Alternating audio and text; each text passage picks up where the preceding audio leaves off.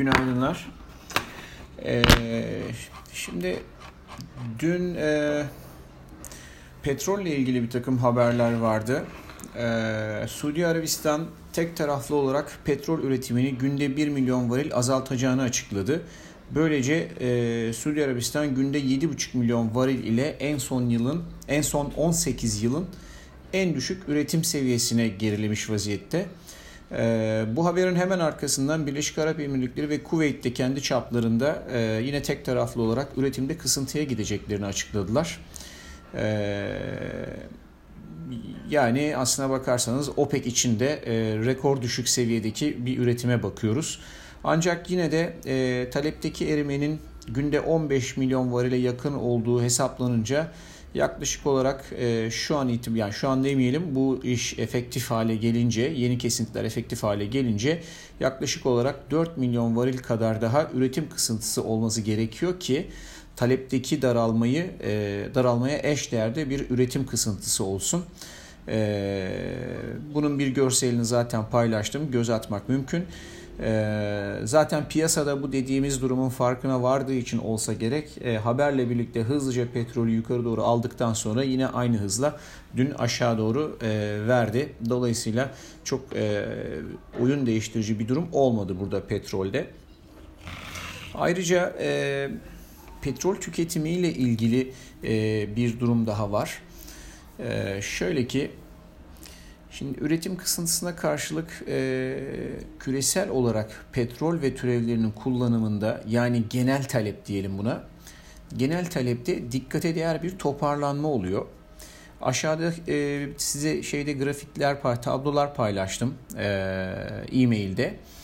E, orada detaylarını göreceksiniz. Ben kısaca şöyle bir özet geçmeye çalışayım. Özellikle e, Amerika'da benzin talebi geçen aya göre %32 artış göstermiş. E, bu oldukça ciddi bir rakam aylık bazda ama e, tabii yıllık bazda baktığımızda da orada tesadüfen yine 32 rakam çıkmış ama geçen senenin bu zamanına göre %32 talep düşük ama bir önceki aya göre %32 artış var. Rafineri talebinde Amerika'daki rafineri talebine bakarsak e, orada hala bir azalış var ama geçen aya göre sadece %5 gerilemiş. Ee, geçen yılın bu zamanına göre %21 düşük durumdayız. Yani gerilemenin e, ivmesi azalmış. E, nitekim daha önceki sunumlarda burada e, rafineri talebinde bir artış olduğunu göstermiştim. E, genel toplamda ise küresel toplamda ise Bloomberg verilerine göre Amerika'da geçen ay e, geçen aya göre petrol ve türevleri e, kullanımında %6'lık bir artış var. Bu durum aslına bakarsanız sanki Amerika için talep gerilemesinde, e, talep daralmasında dibe ulaşıldığını düşündürüyor. E, orada ikinci dalga Covid'den bahsetmek için erken, henüz birinci dalga dalgayla uğraşıyorlar. Bakalım ikinci dalga olursa eğer inşallah hiçbir yerde olmaz ama olursa eğer bu rakamlar nasıl değişiyor izleyeceğiz. Ayrıca e, trafik sıkışıklığına bakmak için TomTom verisinden e, yola çıkmak gerekiyor. Oradan baktığımızda da e, Çin'de, Şanghay'da trafik geçen senenin bu zamanından %8 oranında daha fazla. Bu gerçekten inanılır gibi değil. Yani Pekin'de falan bu kadar değil. Hala geçen seneye göre düşük bir e, şey var. Trafik yoğunluğu var ama Şangay'da %8 e, oranında daha fazla. Yani bunu iyi bir gelişme olarak görebiliriz. Hani ekonomi açılıyor vesaire gibi. Ama bunun karşılığında da bardağın boş tarafını görmek isteyenler Covid-19'a karşı verilen savaşta oldukça olumsuz bir durum potansiyeli taşıdığını düşünmeli. E, çünkü e, kalabalık artmış ve bu durumda ikinci dalga olasılığı da e, artmış oluyor. Nitekim bu yönde haberler zaten hepimiz okuyoruz. Bir diğer durumda jet yakıtı talebi hangi ülke bazında bakarsanız bakın son derece düşük durumda. Bu da e, tabi direkt olarak e, havayolu şirketlerinin e, havayolu taşımacılığının ne durumda olduğunu bize gösteriyor. E, özellikle çok düştüğü için havayolu şirketlerine e, yatırım yapmak isteyenlerin bu tür dinamikleri bence gözün, göz önünde bulundurmaları lazım acele etmemek açısından. Ee, belki bugün alınan hisseler 2-3 sene sonra prim yapmış hale gelir ama orada da çok ciddi bir alternatif maliyet var. Hisse alıcısının katlanması gereken. Ee, var demeyelim olabilir diyelim.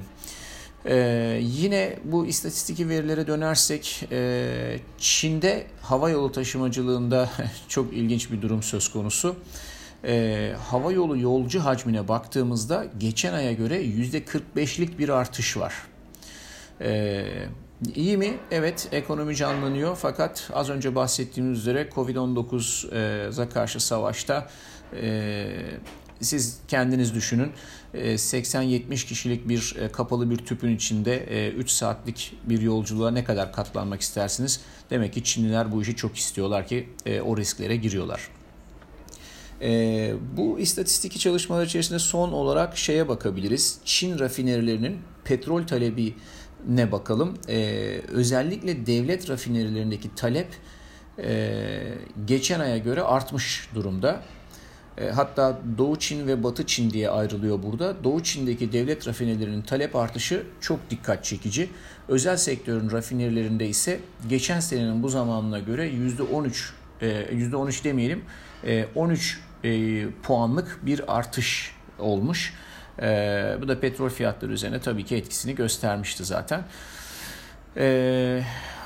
Ayrıca e, bu petrol bahsinden sonra e, şeye geçelim. Amerikan tahvil getirilerine bakalım. Bu konuda biliyorsunuz e, bazı görüşlerimizi paylaşmıştık. E, hatta 7 Mayıs tarihli sabah notlarında Amerikan hazinesinin büyük miktarda yeni tahvil ihracı yapacağını ve buna paralel olarak 10 yıllık tahvillere satış gelebileceğini yani faizin yükselebileceğini yazmıştık. Şimdi dün başlayan ve bugün devam eden Amerikan hazinesinin rekor büyüklükte 3, 10 ve 30 yıllık tahvil ihraçları oluyor. Buna ek olarak dün yaklaşık 11 milyar doları Disney'e ait olmak üzere 18 milyar dolar büyüklüğünde özel sektör tahvil ihracı oldu. Ee, oldukça büyük sayılan bu miktar e, hazinin ihracıyla da birleşince doğal olarak tahvil kompleksine satış getirdi. Para yaratmak için e, mevcutları satıyorlar. Öyle düşünmek lazım. E, ve doğal olarak da 10 yıllıklar %0.72 seviyesine yükseldi.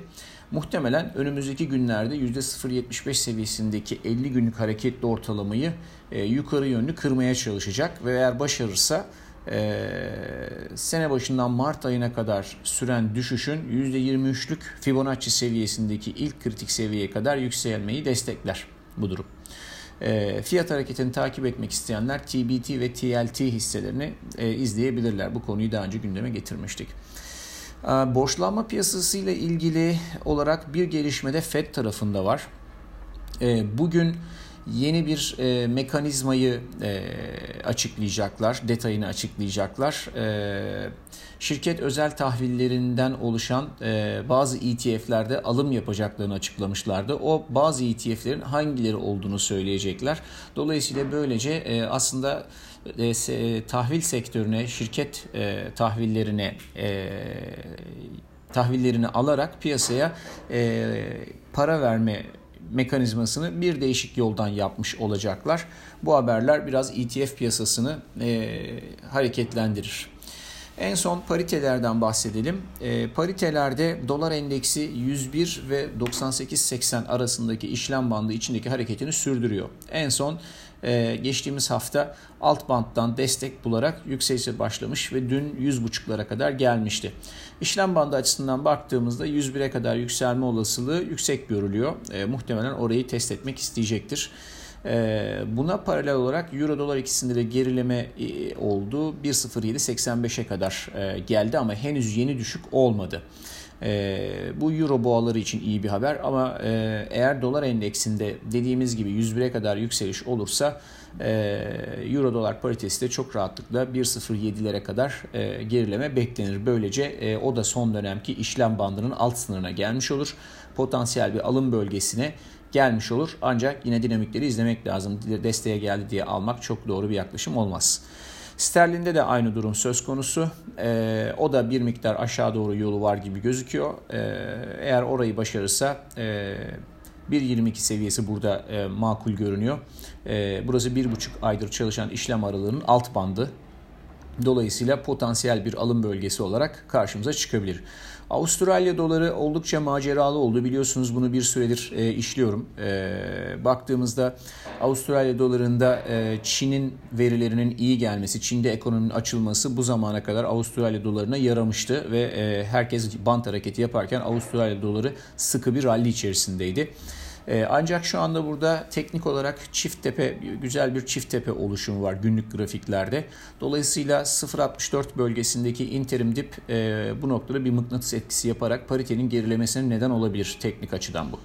Ama işin daha önemli tarafı e, haber akışında önemli bir gelişme var.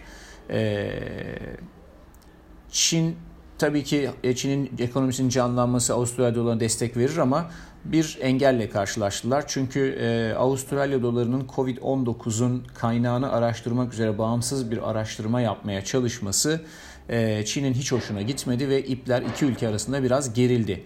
Hatta buna karşılık olarak Çin Avustralya'dan yaptığı et alımlarını askıya aldı. Ee, Avustralya'nın et ihracatını yapan 4 tesisin, bu 4 tesis %35'ini yapıyor et ihracatının. Ee, bunların üretimini 12 Mayıs'tan itibaren yani bugünden itibaren almamaya başlayacak. Ee, tabii böyle bir e, ilişkilerin gerilmesi Avustralya'nın en büyük ticaret ortağıyla iş hacminin azalması anlamına gelir ki bu durumda başka birçok Avustralya e, varlığı baskı altında kalacaktır. Hatta dün ülkenin en büyük entegre kırmızı et üretim tesisi Australian Agriculture Company'nin hisselerine bakarsak %5.6 düştüğünü görüyoruz. Dolayısıyla Avustralya varlıkları için biraz daha iş e, artık sallantıya girmiş vaziyette. Longlar varsa daha önce e, bahsettiğimiz üzere bunlardan çıkmakta fayda olacaktır.